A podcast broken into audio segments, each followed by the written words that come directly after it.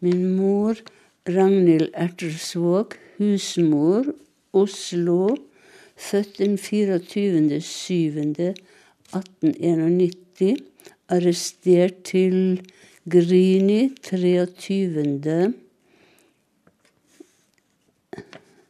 i tredje 42. Fangenummer 1961.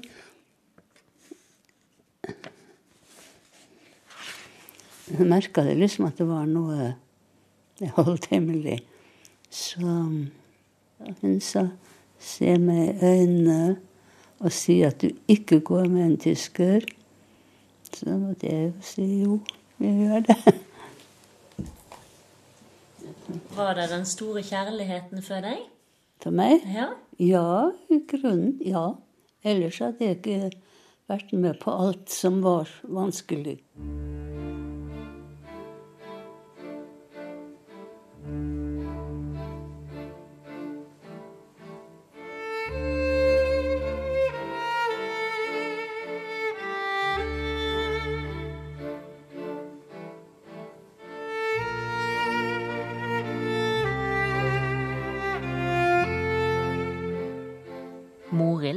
93 år gammel, oppkalt etter en rotur med Morild på Oslofjorden.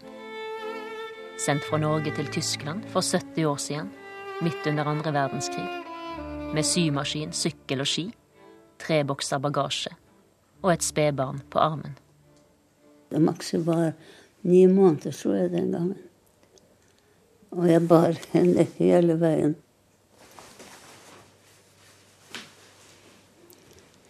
Togene var så fulle. De gikk gjennom vinduet og alt. Så jeg satt på kofferten på gangen med barnet. Jeg hadde med meg en flaske kaffe. Vi hadde ikke termosflaske heller den gangen. Og så ville jeg hive ut den flaska når den var tom. Og så satt en mann, han var tysker, men han var sivil. Og så sa han ikke kassen, sa kan han få For um, han var fra Hamburg og hadde fått beskjed at, um, at familien var utbomba.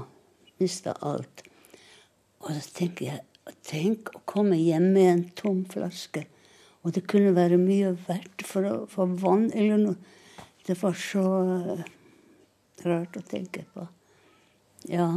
Gjennom et utbomba Berlin mot Bayern og Syd-Tyskland med vinberg og blåkornblomster. Ja, det syns jeg var så fint. Nygift og forelska. Jo, han var jo veldig pen og matros, vet du. det. Uniform gjør, gjør mye ut av seg. Og jeg ga blaffen i alt mulig, og bare det som var viktig. 23 år gamle Morild kjørte tog gjennom et krigsherja Europa med nytt statsborgerskap i veska. Nå var hun tysk sivil og kunne ikke lenger bo i Norge.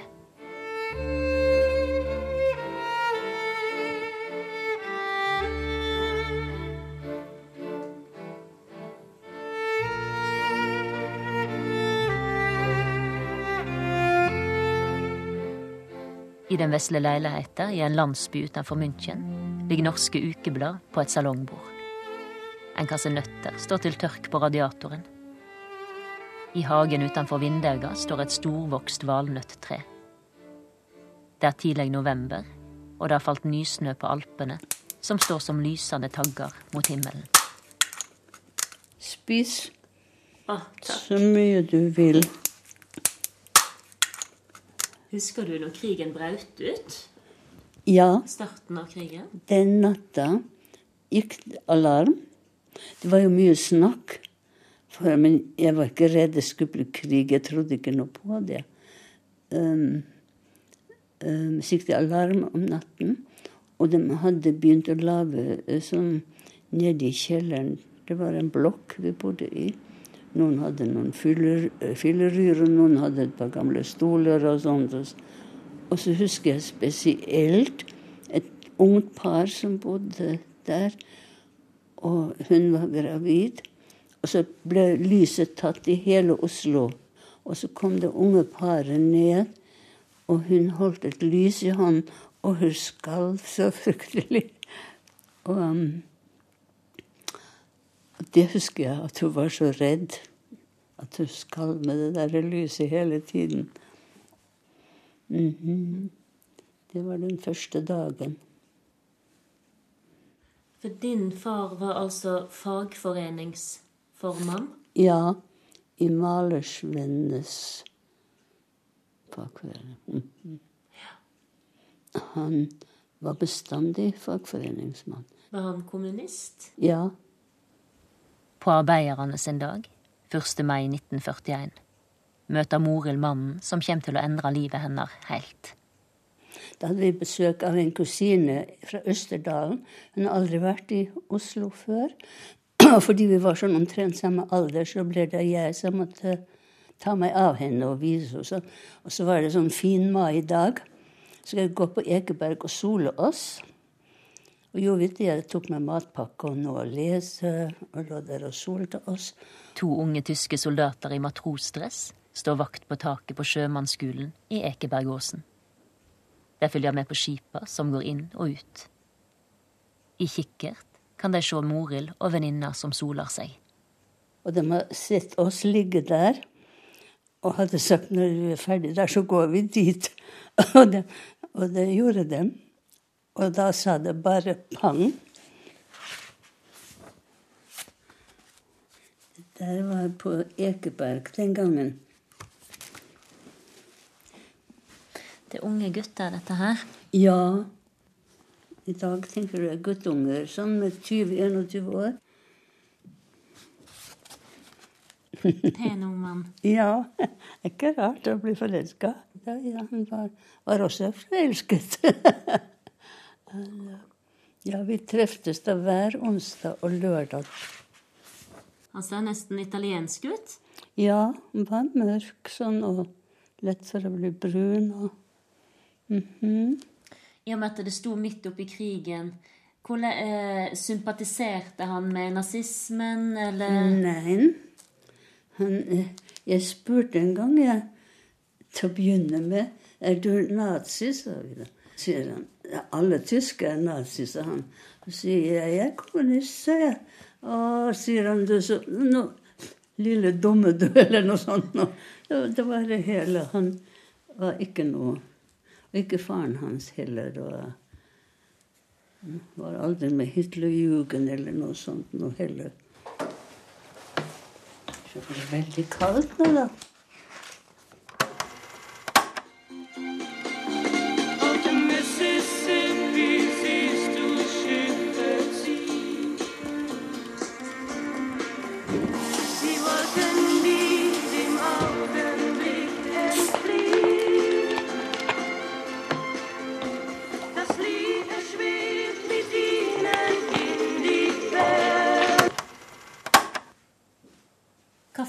Fikk mor di til Max?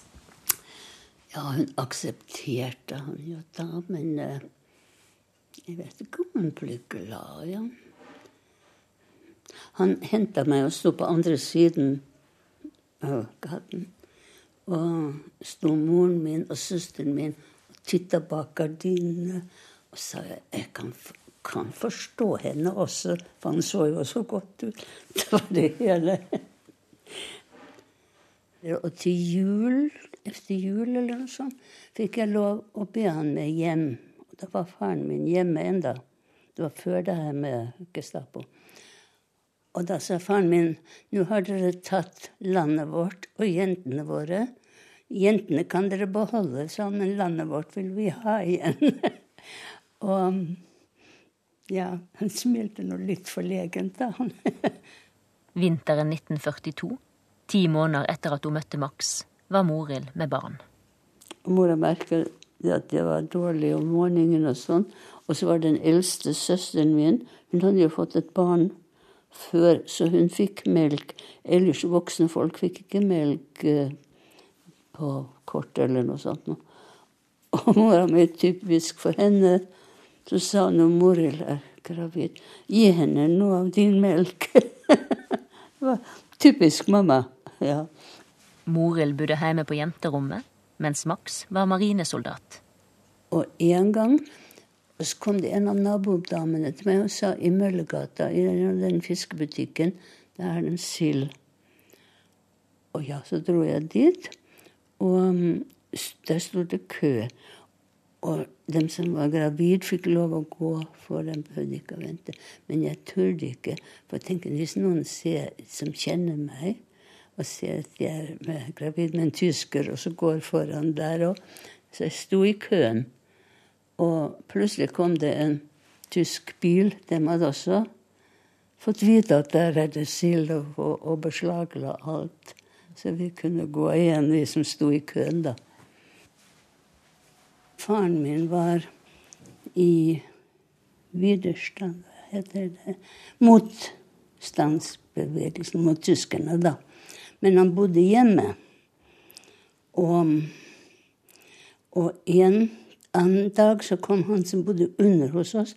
Han var ved politiet og sa i morgen er det et eller annet med tyskerne, razzia og sånn.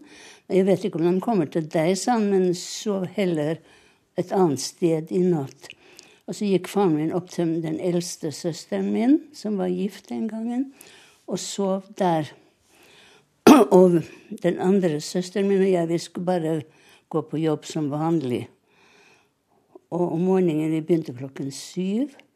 Så var det sånn tussmørke. Så så jeg på Grønlandstorget sto masse politibiler. Og, og så når jeg jobba et par timer, så kona til han som bodde under, sa nå har Gestapo tatt med mora di. Og ja, så kom jeg hjem først og gikk inn. Og så gikk jeg opp i leiligheten vår da og lot som jeg ikke visste det. Det satt to Gestapo-menn i stuen vår. Og, og de begynte å spørre da hvor faren min er, og hvor han hadde vært i natt og sånn. Jeg sa han hadde vært hjemme. Så nei, for den senga var ikke benyttet. Så hadde hun også lagt en lapp på kjøkkenbordet at 'jeg har gått med politiet', sto det. Og det verste var at jeg så at Skriften var skjelvende. Og så kom den andre søsteren min hjem, og det var det samme. Og og vi satt på kjøkkenet og venta og venta. Og, og jeg husker jeg sa de kan da ikke beholde den gamle damen over natt. Og da var moren min 50 år den gangen, men for meg var hun en gammel dame. ja, vi bare venta og venta, og hun kom ikke. Og dem gikk ikke. Så det var tre uker at det satt Gestapo der dag og natt.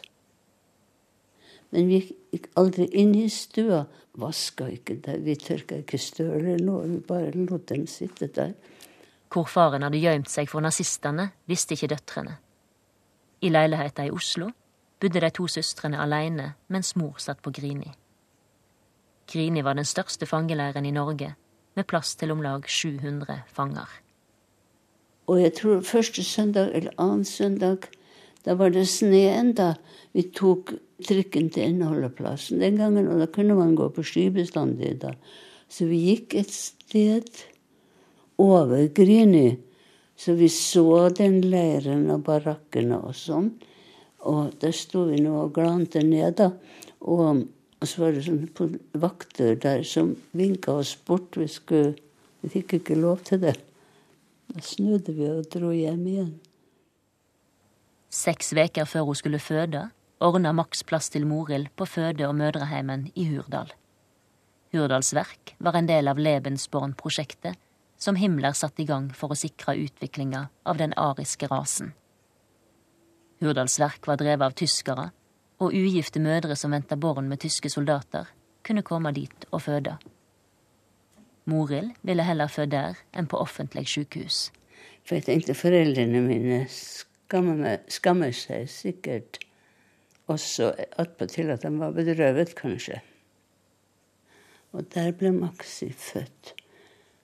Og der kunne dem som ikke kan ha barna med seg hjem, eller som var alenestående, og, og sånn, de kunne la barna bli igjen der. Og, og så besøkte Max meg en søndag. Det var temmelig langt utafor Oslo. Jeg var den eneste som fikk besøk av hele Hørven. og, Jeg har til og med en bok eller et hefte som også er Hurdal. Skal jeg ta det frem? Ja, jeg skal følge det. Og der, det er forskjellig. De hadde jo mange Disse Levensborn de hadde jo mange sånne fødselshjem.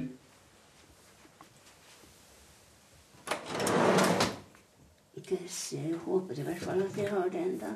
Mellom 10 og 12 000 norsk-tyske barn ble fødte under og etter krigen. Si at jeg har det. Spedbarna på Hurdalsverk lå på rekke og rad i fletta korger med navnelapper på. Jeg har det med å kaste ballast, som jeg sier. Det var plass til 40 kvinner på føde- og mødreheimen. Men jeg ble ikke kjent med noen som Man var litt alene. Jeg likte så godt å strikke, så jeg satt på rommet og strikka. Så gikk jeg ned når det var spisetider og sånn. Jeg hadde ikke så lett for å bli kjent med andre den gangen. Men mor di var da Hun var på Grini hun når du fødte? Ja. Men uh, på et eller annet vis um, har hun fått vite at jeg hadde en pike av andre fanger, som vi kjente jo hverandre mange. Og um, altså Røde Kors fikk lov å gi stofferester og brodergarn til kvinnene til å lage noe. Og da hadde moren min laget en dukke. Um, var sånn rundt hodet, men nesten flatt. For de hadde så lite å fylle ut med. Så tenker jeg, hun vet at jeg har en pikk. For det kom en annen som var blitt fri. Hun kom og hadde med det også, et smykke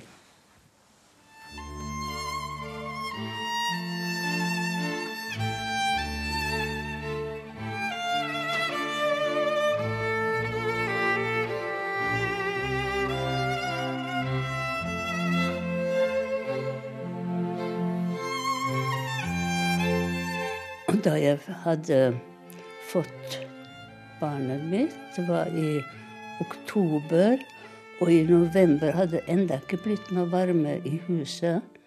Så Den gangen hadde vi jo bleier vet du, som måtte bli tørre. og sånn. Så var det et eldre ektepar også under oss der. Så kom han opp en gang med en liten elektrisk ovn. Så sa han til barnet, ikke til deg. Husker du den dagen, når mor kom hjem? Ja. Da var jeg bare hjemme, og da hadde jeg jo Maxi der. Og eh, ringet tre ganger på døra. Det var lørdag formiddag. Og um, da hun sto der, altså Det var så overveldende. Og um, hun hadde jo tatt av så mye, vet du. 20 kilo, det ser man. Og, mm, og så vet jeg ikke hele, hele huset visste det plutselig at hun var hjemme. Så de kom, og så kom med blomster. Og, og en skobutikk på hjørnet. Han kom med tøfler til henne. det var verdt så mye den gangen.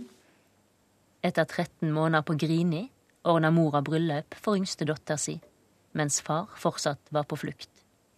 Sammen med Max gikk Morild alene til Stortinget og gifta seg på foreldra sin 30-års bryllupsdag. Jeg hadde en pen, lys, lilla kjole. Og en bukett erteblomer. Det var tilfeldigvis mine yndlingsblomster. Mora gråt da hun gikk, og sa når du kommer tilbake, er du tysk. Og ingen av familien mine ville bli med eh, da jeg giftet meg. Men en kusine av min svoger, hun sa hun blir med. Men så hadde det sjefen til mannen min på, på sjømannsskolen Han hadde bestemt seg sjøl for å være vitnet mitt. Og, men vi ba dem ikke til Vi hadde bare blitt bryllup hjemme hos oss. Det hadde bare et par slektninger som kom, da. Og naboen og sånn.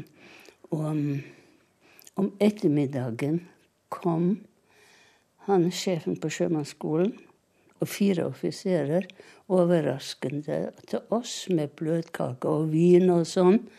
Og svuppdivupp var søstrene mine og alle ute på kjøkkenet og lukka igjen døra. Og så den stakkars moren min, hun ofra seg og drakk kaffe sammen med dem og oss. Og dem kunne heller ikke noe særlig norsk. Og én kunne litt dansk. Moren min kunne slett ikke tysk. Så det var litt sånn trykkende, det der. Det, der. Mm -hmm. det kan ikke ha vært lett for mor di Nei. å ha seks jeg tyskere tenker på Det var et offer for min skyld at hun gjorde det. At jeg ikke mm -hmm. Veit du om de fikk problemer med dette i etterkant? Det tror jeg ikke. Men jeg husker under krigen ei kjent dame som hadde sagt til henne å hive ut. Skulle hive meg ut. Og moren min sa 'Hvor skal hun hen?'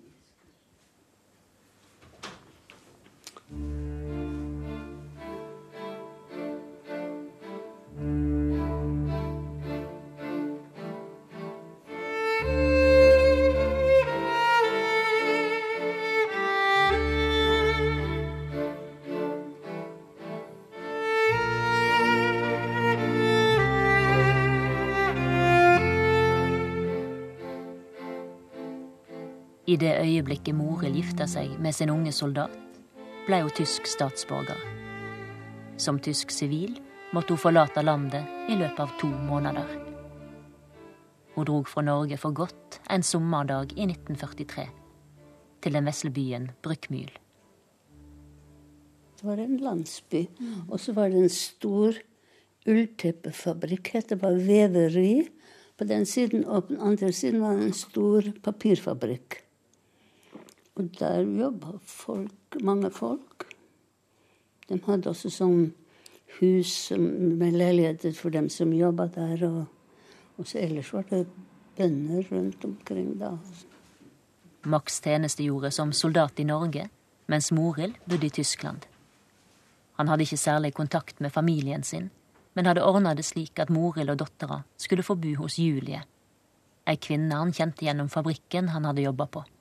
Altså, fra første stund av var vi jo vel mottatt av slekta hennes. Men når du kom til Tyskland, mm -hmm. så fantes det jo òg et barn fra før? Ja. Hvordan var det å oppdage det? Uh, nei, det sa han til meg før vi ble, før vi ble enige og gifte oss, at han hadde et barn. Irmi. Ja, og det Og da begynte jeg å tvile. For jeg tenkte når man har et barn, så er man glad i det. Og, og da må man være glad i mora. Men uh, mennene, de tenker annerledes, dem. Max sitt første barn, Irmi, var bare ett og et halvt år eldre enn jenta han hadde fått sammen med Morild. Mora til det første barnet klarte ikke å ta seg av henne, og det var ei eldre kvinne i landsbyen som hadde overtatt omsorga. Og da husker jeg hun var så dårlig påkledd og hadde munnsår og, hun hadde krøller også. Og da husker jeg skrev til Max jeg skulle gjerne ta henne til meg. Og han sa jeg skulle vente til han kom hjem. Hvordan var ditt daglige liv her i Tyskland? Du, du, det gikk jo bra så lenge krigen varte, vet du. Tyskerne tok jo fra andre land. Så vi hadde Jeg tror sikkert bedre enn i hvert fall i Norge med mat. Men etter når krigen var slutt, ble det jo omvendt. da, så Det var en stadig jakt på å spise det. Men i det at jeg bodde på landet, hadde vi jo havet med grønnsaker og bær. Og, og så var det var vi i skogen og plukka uh, grankongler og, og, alt som var brennbart da, vet du, til vinteren og sånn. Morild forteller at nabogutten jakta kråker som de stekte til middag. Det var stadig jakt etter noe etendes. Og at symaskiner hun hadde hatt med seg fra Norge, kom til nytte da hun sydde i bytte mot mat. Jeg strikka mye, sydde og så sto vi i kø, og vi sto i kø der, og sto i kø der. Vi handla brød eller hos slakteren og alt det der. Stå i kø hele tiden. Det skulle gå nesten fem år før Max kom hjem. Da krigen endelig var over, havna han tre år i fransk fangenskap, med straffarbeid i kullgruver. Der er det i fangenskap, ja. Og der hvis der, hadde en på klærne PG Prisonnier de guerre, tror jeg det heter på fransk. Morild fikk et kortfatta brev om situasjonen. Og da var det sånn formular. Den fikk lov å skrive 25 ord. Da hun visste hvor han var, klarte hun å ta seg dit. Med tog. Med hovedtørkle og falsk grensepass. Så var det stor sånn gruve, og så stort gjerde med piggtråd oppå. Han sto der inne, og jeg sto på veien og bare fikk snakke litt sånn. Og etterpå andre gang fikk vi inn på et kontor da, hos franskmennene der. Det var noe rart, da. Man var tynnere, og det blir jo litt fremmedhet etter så mange år.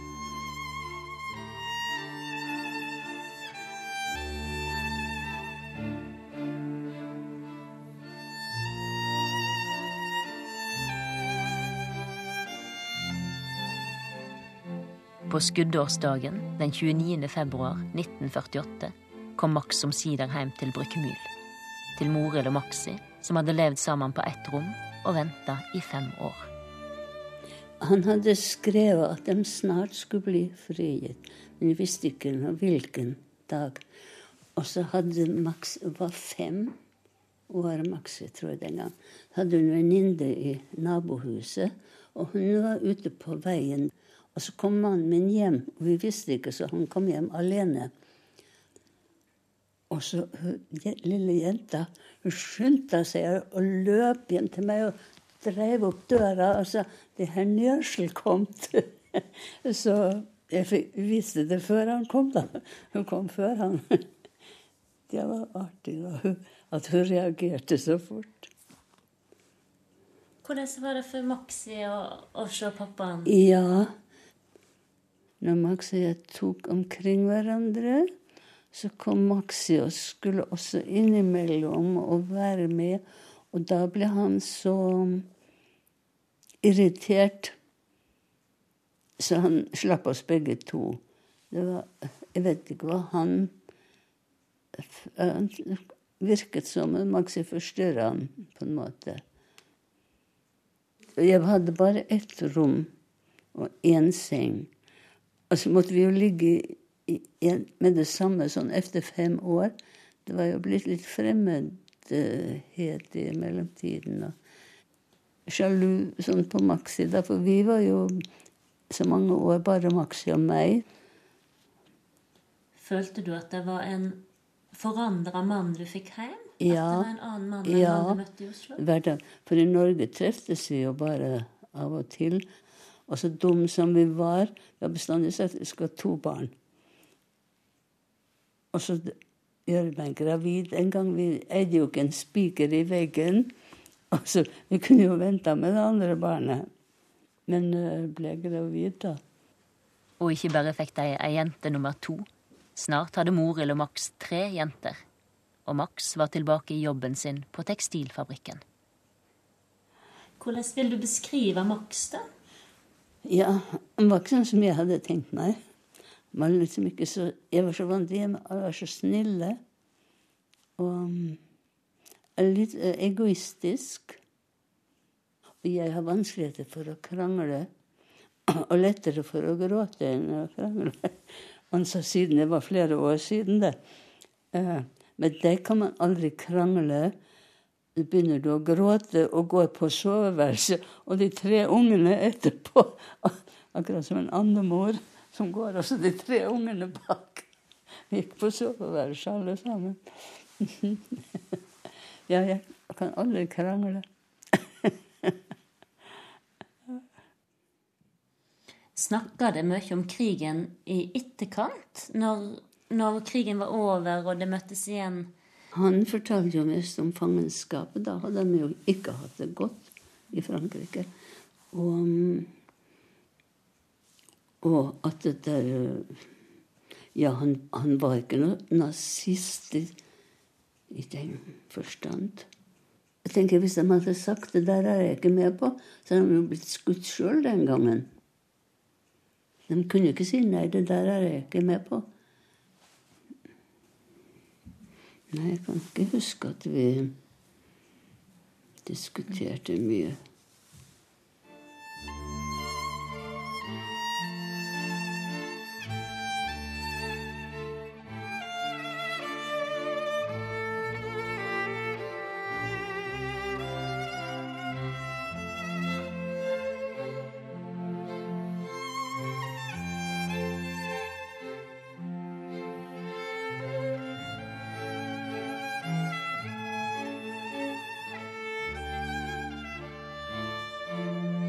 Kjærleiksbarnet Maxi fikk aldri noe godt forhold til far sin.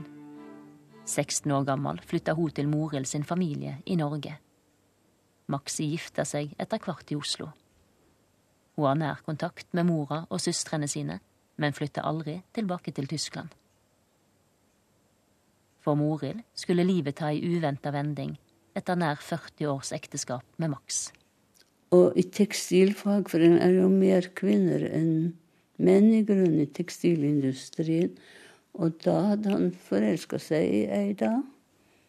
Som 60 år gammel fagforeningsformann på fabrikken hadde Max møtt ei anna kvinne.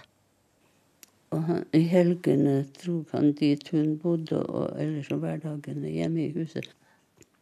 Men vi bodde sammen i huset lenge, helt til vi solgte det. da, Og det varte nå, tror jeg ti år, ja.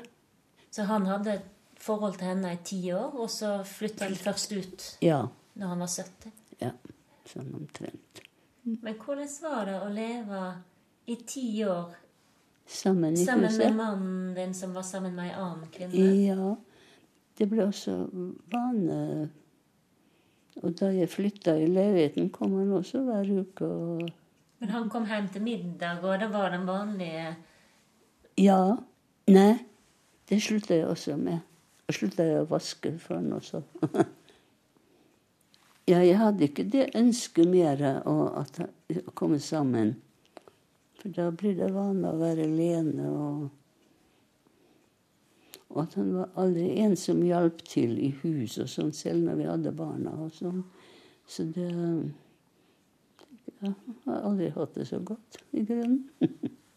Men tenkte du på skilsmisse? Nei, merkelig nok ikke. Han nevnte aldri skilsmisse. Det snakka vi aldri om skilsmisse. Mhm. For jeg tenker jeg er lengre Vi er gift. Jeg er mer eh, pensjon får jeg. Og det, jeg var ikke i begravelsen. Jeg hadde gått, men hun andre dama hans, hun ville absolutt gå, og datteren og svigersønnen. Og så tenkte jeg, står ikke der med to hvite, to enker? Så nei, jeg blir hjemme. Det gjorde meg heller ikke noe. Har du tenkt på at du ofra masse for kjærligheten? Nei, jeg, følte ikke for, eh, som et offer. Jeg ville det jo. ja. ja, jeg Det var ikke noe offer.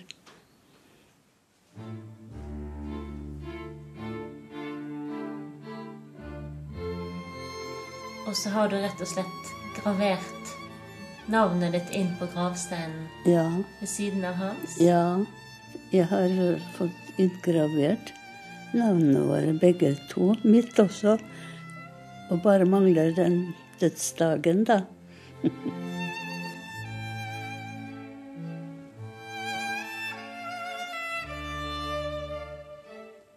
jeg, jeg tenker jeg har hatt det godt. Tross alt.